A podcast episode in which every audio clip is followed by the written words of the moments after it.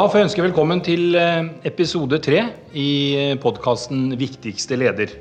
I dag har vi gleden av å ha med oss eh, Kjell B. Hjertø, førsteamanuensis ved Høgskolen i Innlandet, og som har et kompetanseområde som er meget bredt, men som i denne sendingen skal vi prate om eh, gruppebasert ledelse med fokus på team. Hva er egentlig godt team? Hva er et godt teamarbeid? Og hvorfor er teamarbeid så strålende i forhold til alle andre samarbeidsformer?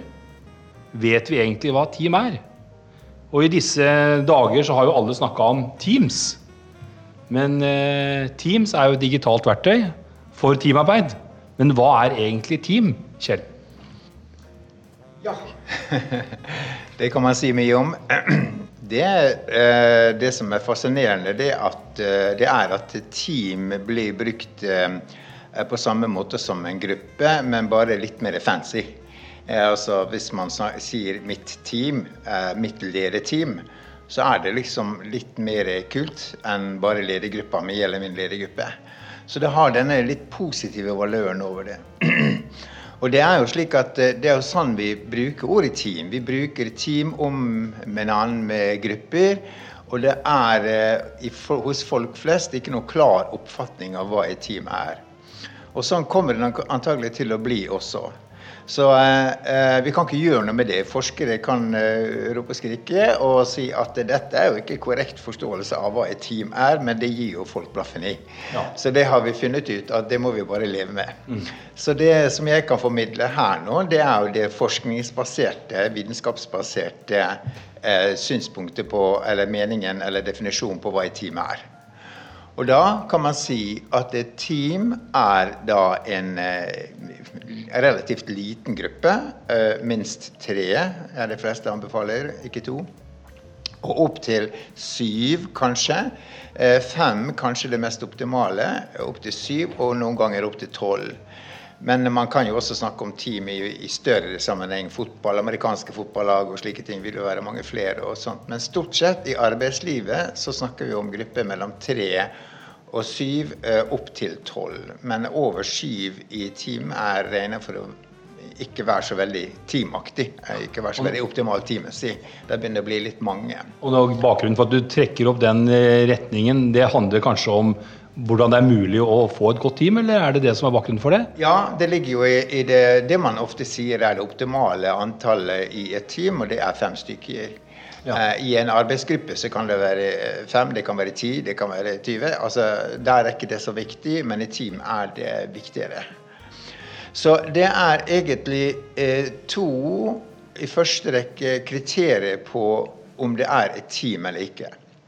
Det første er at et team består av medlemmer som er gjensidig avhengig av hverandre. Eh, hvis man jobber uavhengig av hverandre, f.eks. en prosjektgruppe, man har hver sin jobb, eh, man gjør jobben sin, og så har man gjerne en sjef, og så har du gjort det som du skal gjøre, og det som du skal gjøre. Om jeg ikke har gjort jobben min, så går ikke det utover de andre. For de har sin jobb. Ja. Og det er en eh, vanlig arbeidsgruppe, men det er ikke team. I team uh, defineres som en gruppe hvor man jobber gjensidig avhengig av hverandre. Selvfølgelig ikke totalt sett, men at det er et nettverk av avhengighet. Så hvis jeg ikke gjør jobben min, så går det utover de andre. Mm. Utover deg eller noen andre. Som igjen går utover de andre i gruppa. Og det er veldig viktig, fordi at det eh, forklarer eh, hvorfor team er så sårbart. For hvis det skjærer seg, så kan det virkelig skjære seg eh, ved at én stopper opp og ikke gjør jobben sin osv. Så, videre. så det første kriteriet det er gjensidig avhengighet. Og det andre kriteriet som henger sammen med det første, er at i et team har man felles ansvar. Man har felles ansvar for resultatet.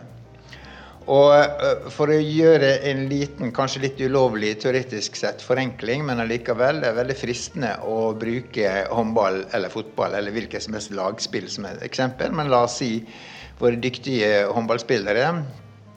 Uh, ute på banen er man gjensidig avhengig av hverandre. Uh, og resultatet man får, er null poeng, ett poeng eller to eller tre eller noe sånt hvis man vinner. Og det for hele laget. Mm. Eh, så man får ikke poeng hvor godt du spilte på banen. Du kan få ros, du kan, du kan få poeng i VG, men du får ikke poeng offisielt sett. Hele laget vinner, taper, eh, samlet. Det er det andre kriteriet for et team.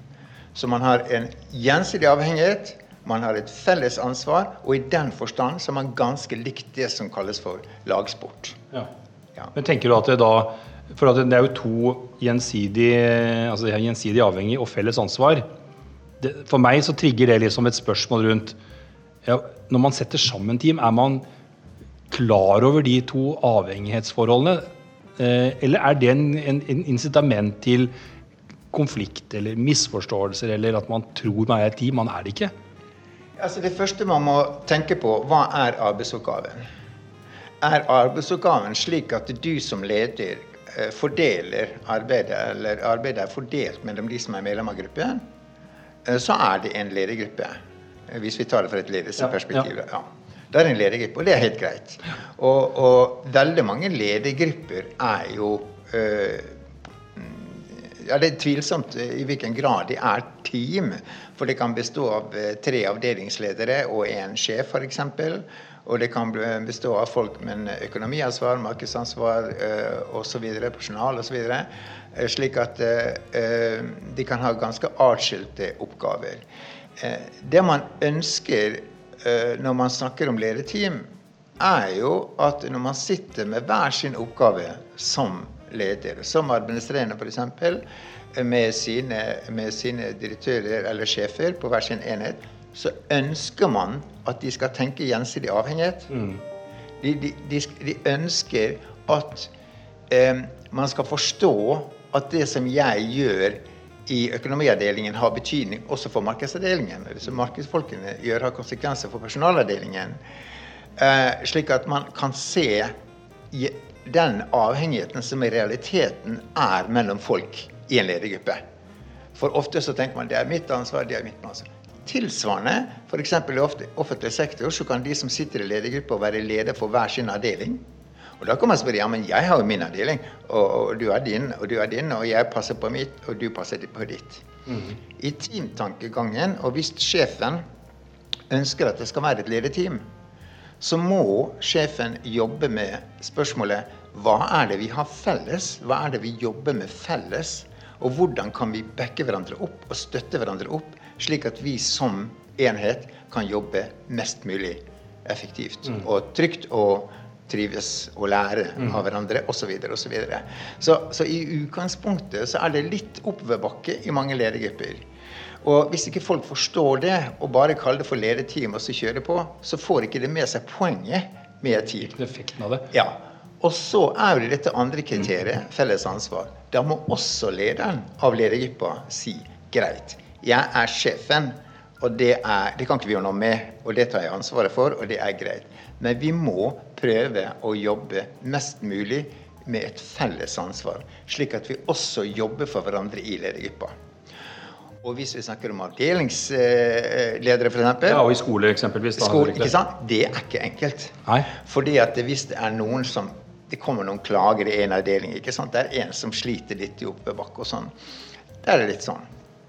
Hva skal jeg gjøre? Ja, Hvis jeg er personen, så er det greit. Men hvis det er jeg som da har en kollega som sliter litt, hva skal jeg gjøre med det? Hva har vi snakket om når det gjelder det? Skal jeg ta kontakt og høre jeg, jeg hører at du sliter litt? Er det noe jeg kan bistå med? Det er vanskelig. Eh, Nei, tusen takk eh, for tilbudet, men jeg klarer meg meget godt. ikke sant? Og kanskje til og med skape inn litt uh, misstemning i det hele tatt. Altså Det at vi kan løse hverandre opp slik at vi kan være til for hverandre, er en ting man må jobbe med, være oppmerksom på og virkelig trene på. Men da tenker jeg sånn i forhold til akkurat det, for da, da vi, er jo på, vi, vi skal jo bygge en, en tillitsbase sånn team, da. Og, og, og den må jo bygges gjennom aksjon. for å si det sånn. Du må faktisk gjøre noen grep som rektor da, eller leder ved å bygge det teamet. Eh, og det handler jo egentlig om også eh, litt sånn eh, floskelaktig 'why do we exist'?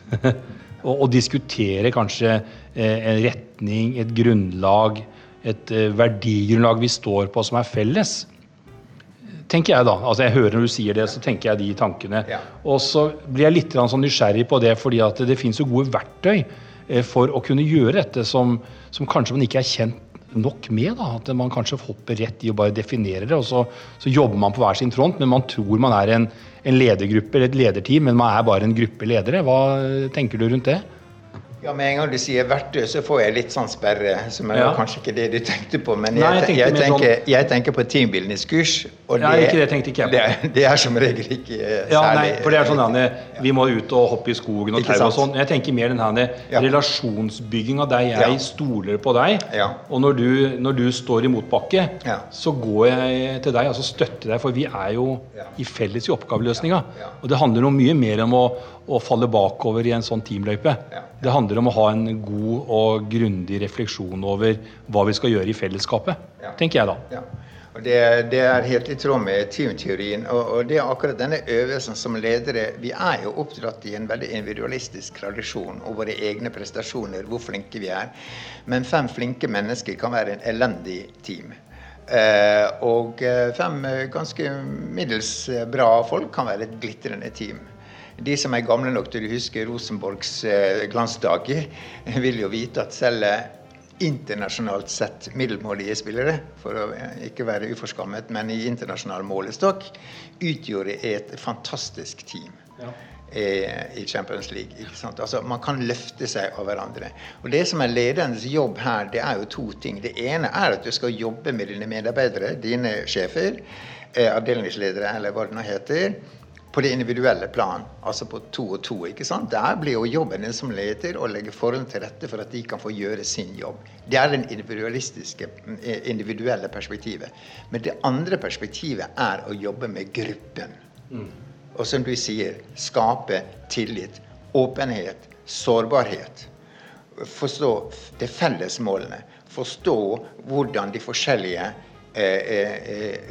områdene som man jobber med, som man har ansvaret for, henger sammen. Ja. Og hvorfor man derfor trenger hverandre. Skape en trygg stemning som man kan le og gråte, for å si det litt eh, litterært, eh, sammen. Og si vi skal sammen klare å skape fantastiske resultat. Da, da er det herlig å være en sånn ledergruppe. Men det som ofte skjer, er at sjefen, som ikke har skjønt dette, for det finnes noen av dem, betrakter folkene individuelt. Da sier administrerende Husk på, folkens. Vi er alle sammen i samme båt, og vi har et felles ansvar og slike ting. Og det er felles ansvar. Og så sitter hver enkelt, og så nikker de på hodet og sier de, ja da, mm, det har vi. Men de vet umerket godt at administrerende vurderer hver enkelt medlem i ledergruppen individuelt. Ja. Du tenker hvis så overføringsverdien til skole, da, for å bruke Ja, det som ja. tematikk, at du også vil oppleve det samme der? Også det samme der. Eh, ledergrupper eh, overalt. Slik at det, da blir det vel vel det jeg sier, rektor. Men jeg vet at rektor passer på meg. Og titter på meg og evaluerer meg. Og dermed så, så, så får ikke du den tryggheten som du får. Fordi det er greit at man blir vurdert individuelt, men det er på en måte ikke fokuset. Det felles ansvaret som er Ja, fokuset. for, for det du sier er egentlig at det, Ja. du kan godt få da, kall det litt sånn skinnteam, som på mange måter sitter, vi sitter sammen, vi diskuterer Ja. problemstilling, men Ja. egentlig Ja. så passer jeg litt på Ja. meg selv og, og kikker på deg som, som rektor da, for å se om er det du Ja, ja. Det er det man i litteraturen kaller for eh, suboptimalisering. eh, Og det er et ganske omtalt eh, problem i ledelseslitteraturen, i gruppeledelseslitteraturen. At man tenker vel, jeg passer på mine egne saker, optimaliserer min egen nytte, prøver å gjøre en god jobb. Og jeg blander meg ikke opp i de andre og, jeg, eh, og hva de andre driver på med, og jeg bruker ikke tid på andre heller. Jeg må passe på at jeg selv eh, fikser dette her, og da er du ute å kjøre i, i Ja. en teamsammenheng. Ikke sant, for Da kommer du fort inn på denne mellomlederproblematikken også. Ja, ja. Du står altså i skjæringspunktet mellom rektor og de du skal lede, da, altså Ja. Mm. lærerne.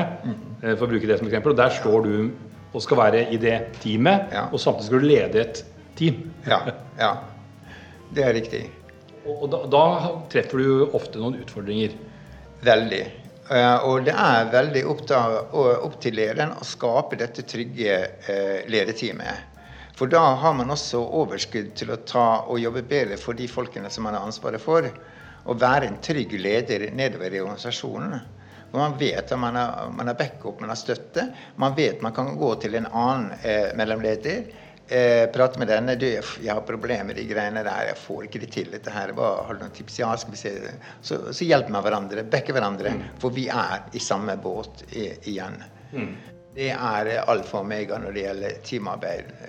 Husk gjensidig avhengighet og felles ansvar.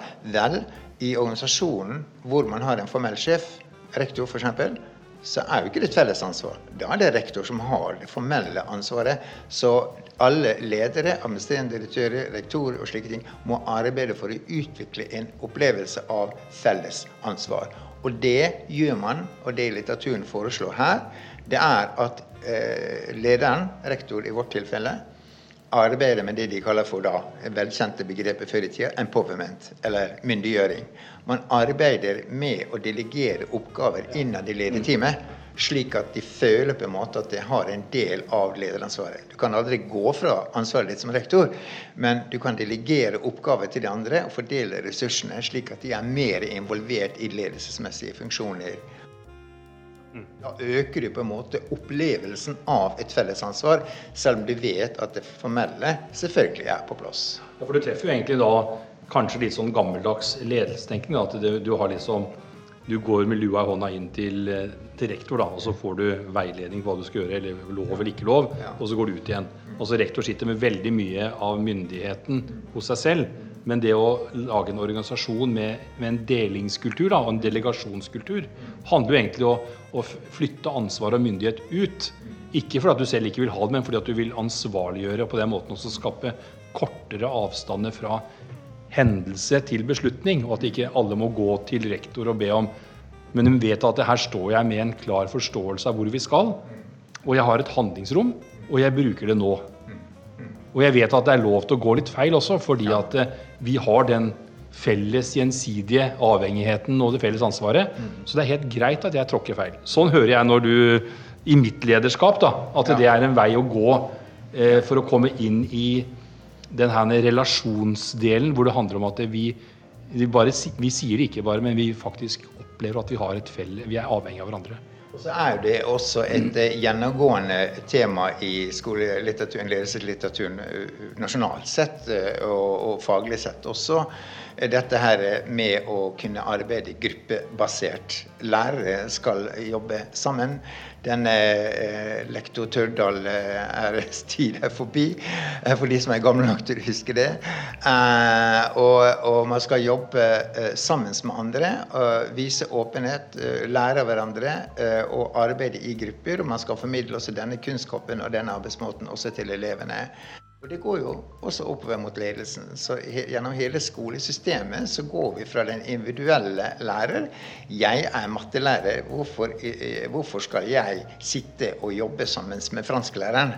Eh, eller engelsklæreren, uansett eh, da. ikke sant? Jeg har jo ikke noe å gi der. Altså Denne gamle holdningen jeg er en stolt fagperson, og så skal man over i dette med å jobbe sammen med de andre for å skape et felles resultat overfor elevene. Og Det er en overgangsperiode som vi er inne i nå.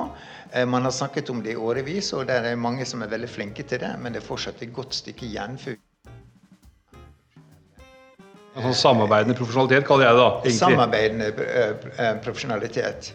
Eh, jeg, eh, det er lenge siden jeg var lærer, men eh, jeg var der i lektor i syv år. Og det er klart, da, Hvis rektor hadde kommet inn på klasseværelset på Drammen gymnas for å undersøke eller for å høre på min undervisning, så hadde jeg fått antagelig hjerteslag eller noe sånt. Eller meget overrasket. Ja, For avstanden var så stor, tenker du? Altså, avstanden var så stor, ja. Og det at rektor skulle blande seg opp i ja, mitt sant, arbeid ikke ikke sant? Derfra og frem til i dag, dette er mange år siden, men og frem til i dag har det skjedd veldig mye positivt. og jeg er liksom men snakker vi om team, så må vi prøve å ha en mer korrekt forståelse av hva et team egentlig er. for Ellers så skjønner du ikke, ellers så blir det bare et sånt fuzzord. Et sånt ord som man bruker for at det skal høre fancy ut.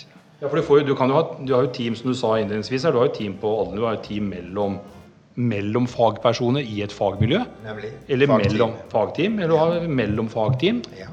Og den nye overordna del og læreplan, den fagfornyelsen av LK20, den legger jo opp til mye tverrfaglig eh, og, og, det er jo også noe som vil utfordre oss i, i skolen da, eh, på å forstå hva et team er. Så, så da har jo, du treffer jo noen punkter, og jeg tenker av og til at eh, det er noen faktorer Du var inne på det for så vidt i sted. Det her med at eh, du må jo først kunne lede deg selv da, før du kan lede andre. Uh, absolutt. Å lede seg selv. Her vil jo I teamsammenhengen så er det på en måte å arbeide med, seg, med mot, uh, sitt eget mot til å dele. Og det fremheves jo også i litteraturen. Altså, du, må, du, må, tørre å dele med andre. Og Det betyr du må reflektere over det du gjør selv. Uh, du må dele med de andre dine sterke og svake sider. Og Der er vi allerede på gang i denne åpenhetskulturen som teamarbeid krever. At du tar både Du har dine sterke sider. Du er meget bevisst på hva du kan og hva du ikke kan. og slike ting. Det er ikke noe problem. Men du må også tørre å dele, vise svakheter, ta imot andre, være nysgjerrig og alle disse her fine ordene som gjør at du på en måte gjør det sårbar, men gjør gruppen sterk. Og det er det som er det, det, er det som skal jeg, det, Noe av det som du er inne på nå, er jo noe av den utviklingen vi ser. da. Ja. At du går fra at eh, rektor og skolens ledelse da, organiserer opp. Nå skal Stig og Kjell samarbeide. Men den ytterligheten er når du og jeg samarbeider fordi at vi ser nytteverdien av at jeg kan lære av dine sterke sider og, og forsterke mine svake og bli bedre. Og den gjensidige avhengigheten vi får da som kollegaer, vil jo smitte også over på opplæringen til, til barn og unge. Og klarer man det i en ledergruppe også, så vil det jo være eh, mye mye lettere å forstå de to innledende punktene som var to faktorer for å være et godt team. da. Vi sliter jo fortsatt med Webers byråkratimodell. for å si Det sånn. Det er en klassisk opplæring innenfor organisasjonsfaget. Det er individualisme. Hver enkelt rapporterer til sin sjef, som igjen rapporterer til sin sjef, og slike ting. Og sånn bygges det opp. Og det har jo vært en fantastisk system for å få til industrialiseringen av, uh, i, i, verden, i økonomien generelt sett. Men eh, vi, har, eh, vi er over i et system hvor vi både med å beholde individuelle kvalitetene, men også jobbe med å, å, å lære sammen og jobbe sammen. Det er én pluss én er lik tre. Det er hele tiden det man, man vet. Man vet det. De som igjen tilbake til håndballbanen, da, de vet jo det. At hvis de klarer å jobbe sammen optimalt, så løfter de hele laget. Og de kan få eventyrlige resultater. Det er, jo, det er 1 pluss 1 er lik 3. Og det er der vi er nå. Vi skal ta med oss de individuelle kvalitetene. Det er samme kravet til oss. Vi skal være dyktige, vi skal være lojale og slike ting. Samtidig så skal vi utnytte de individuelle kvalitetene, slik at vi samlet sett er sterkere enn gjennomsnittet av oss. Si sånn. Jeg tenker at Hvis du da ser for deg eh, Du har da, du har da blitt, for å si sånn, blitt enige om og at vi skal være et team eh, med de kriteriene ligger til grunn. Vi har en felles ansvarsdeling, vi er gjensidig avhengig av andre. Men så oppstår det utfordringer i teamet. Og det kan være kjent som en ledergruppe, at man har et, eh, et team da, som er en ledergruppe. Og, og så oppstår det ugnisninger, konflikter. Hva tenker du liksom, er de gode modellene for å komme ut? For ofte kan de kanskje være De låses inn, de tas ikke ut der og der og da. Man har ikke takhøyde nok for oss å, å, si at 'nå var jeg uenig med deg, Kjell', eh, men du tar det kanskje etterpå til, til sidemannen og ikke til Kjell. Og så får man en sånn klassisk forskyvning av en konflikt da, som kunne vært kanskje løst. Hva tenker du rundt det med å være leder og stå i sånne posisjoner? Ja, Dette med uh, å jobbe med konflikter er jo uh, mitt hjertebarn, for å si det sånn. Ikke fordi at jeg er så glad i konflikter, men fordi det er det som er min Eh, så det skulle jeg egentlig hatt et eh, ny samtale omkring det. Ja, det kan vi men, sikkert få til. men, eh, men, det som man vanligvis tenker på når det gjelder konflikter, det er jo det som kalles for emosjonelle konflikter. Eller man i litteraturen kaller for emosjonelle relasjonskonflikter. Altså følelsesmessige konflikter mellom mennesker. Jeg er sinna på deg, og du er sinna på meg. Den ene siden. Det er the bad guy.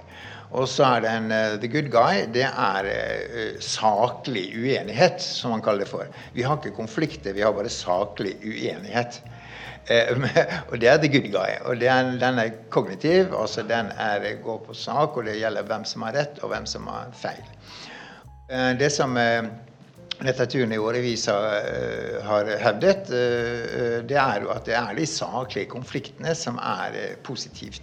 Mens de, de emosjonelle konfliktene, personkonflikt, er negative. Men så kom det en metaundersøkelse eh, faktisk eh, for en god del år siden, 2003, eh, fra en som heter og Weingart. Og de eh, gjorde en metastudie som viste at disse her saklige konfliktene var ikke noe mer produktive enn de emosjonelle konfliktene. Dette, eh, dette skjedde på en konferanse, Academy of Management-konferanse i Denver. Og jeg var der og hørte på. Vi satt bare og gapte hele gjengen og så bare tenkte hva er dette for noe?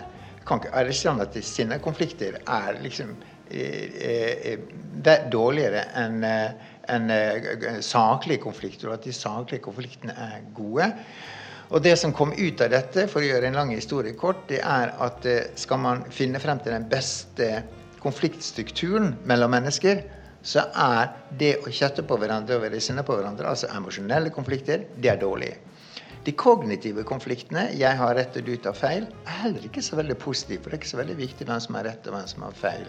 Men det kan da være greit. Men det som jeg, foreslo, jeg har foreslått i mitt arbeid, som jeg har jobbet med og publisert en del på, det er det jeg kaller for emosjonelle sakskonflikter. Altså du er, har lov til å være emosjonell, men det må alltid være på sak. Jeg må ikke si 'du tar feil'. Nei. Da er vi allerede ute. Du må fortelle hva du ønsker, hva du vil, på saken. Men du kan være så emosjonell som du vil, bare du ikke uh, mister kontrollen. Ja. Kommer ut av saken. Det viser engasjement. Mm. Men du snakker hele tiden om sak. Og hvis vi klarer å være uenige i ledergrupper og i grupper på den måten at du hele tiden sier 'jeg er uenig med deg', feil, rødt, rødt kryss. ikke sant? Ikke, det er ikke snakk om du er uenig med noen. Det er ikke noe interessant om du er uenig med deg. Det du skal si i en konflikt, er hva du mener, og du skal snakke om saken. Mm. Hvis alle klarer det, så vil du ha en konfliktstruktur som faktisk er positivt. Og det har jeg publisert ganske mye på fra næringslivet. Og som har eh, ganske bra dokumentasjon på. Så det er en slags nøkkel som det er veldig mye å prate om. Men, ja, det, men det treffer liksom på mange måter det her med det å forstå teamets grunnidé. Da, for at ja. Eh, du treffer jo da liksom hvordan skal vi takle en utfordring i teamet. Ja. Hvis den da blir emosjonell, så har egentlig teamet mistet sin Ja, Den kan være emosjonell. Ja, Men ikke, hvis den ikke er faglig. altså emosjonell faglig. Ja, hvis den, blir, hvis den, blir, personlig. Ja, personlig. Ja, ja. Da går det gærent. Ikke sant, og Da tenker jeg at da får du fort en utfordring hvis du ikke har diskutert liksom, kall det litt kjøreregler. da, eh, For å kunne ha et godt teamarbeid. Og det er klart at Du kan være emosjonell hvis du har et trygt miljø. Ja. Da kan de si Stig, nei, du, ærlig talt, altså, Lasse, nå, skal du høre hva jeg mener. Også, ja, ikke sant? Ikke sant? Ja. Altså, vi har den åpenheten, men vi blir, blir, ikke sånn Du tar feil, du har ikke skjønt dette, du hørte ikke hva jeg sa. Jeg sa jo tidligere til deg at kutt ut alt sånt. Snakk for deg selv. Si hva de mener. Vær gjerne emosjonell. Vi viser engasjement. og Det kan vi være. De beste gruppene i kreative fag de er jo slik. Der går det kule varmt, ikke sant? men hele tiden, hele tiden, så er de på saken. De er på hva, hva, som er den beste løsningen. Og det må vi prøve å få til i alle grupper, og ikke minst i ledergrupper. Tenker du at det her er noe altså, eh, i forhold til den, den kalde opplæringa som gis da, ja. til å bli eh, leder i skolen, rektor eller barnehagestyrer? Ja. I hvilken grad klarer institusjonene å egentlig gi våre ledere nok innsikt i hva det vil si å være en god leder av team.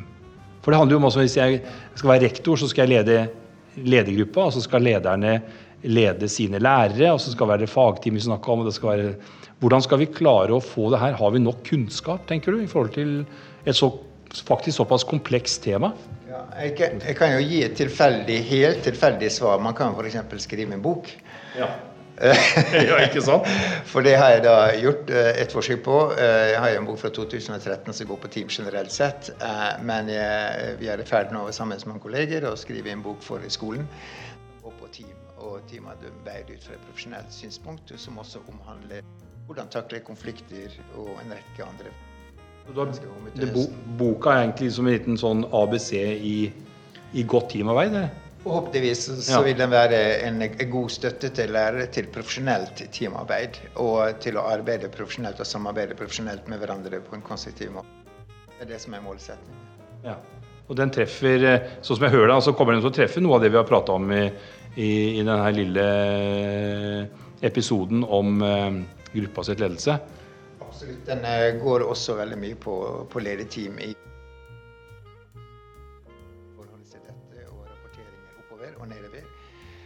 så den eh, dreier seg om hele skolesystemet. Der er én rektor med og én fagforeningstillitsvalgt. Ja, Så du har liksom tatt for deg eh, skolen som en virksomhet eh, kobla til et, en teamtenkning, da. Mm. Og forfatterne Marit Skei og Tom Sakariassen. Akkurat. Eh, og med de eh, orda der, Kjell, så tenker jeg at det er noe helt på tampen av denne episoden hvor du hadde lyst til som du brenner inne med. Det er jo et svært område vi har tatt opp. Jeg hører jo allerede nå at vi kan, eh, vi kan komme tilbake og ha en samtale rundt dette med konflikter, som på mange måter er en egen, egen eh, del av det å være en god leder og kunne håndtere konflikter. Eh, er, det er fordi at eh, når, når vi begynte i utgangspunktet med, med team gjensidig avhengighet da, Når du er avhengig av hverandre, så er konflikter så utrolig mye mer skadelig, negative konflikter, enn når du ikke er det. Da kan jeg si du er en jerk, jeg gidder ikke å bry meg om hva du sier. Men hvis jeg er avhengig av den personen, så må vi gjøre noe. Hva gjør vi da? Vi kommer ikke videre. Jeg hater vedkommende. Derfor så er konflikter så viktig i teamteorien. Ja. Å kunne takle konflikter uten å kvele folk, og de skal bare sitte og, og si ja eller nei og slike ting. Men det skal være, være vise engasjement. Men de må lære seg til å være uenige på, en, på den måten at det gir resultater. Dvs. Si saksorientert hele tiden. Og øve seg på å aldri si 'du' i en konflikt. ja. Og jeg tenker sånn i forhold til at vi nå har vært gjennom en ganske eh, lang periode faktisk, hvor man har jobba sånn på distanse og i nettverk. Og Teams eh, har jo vært liksom en del, og vi har nå prata om teamet og noen eh, elementer i teamet. Så eh, jeg får takke deg for at du hadde muligheten til å dele en halvtime med oss i denne episoden om gruppebasert ledelse med fokus på teamet. Takk, Kjell.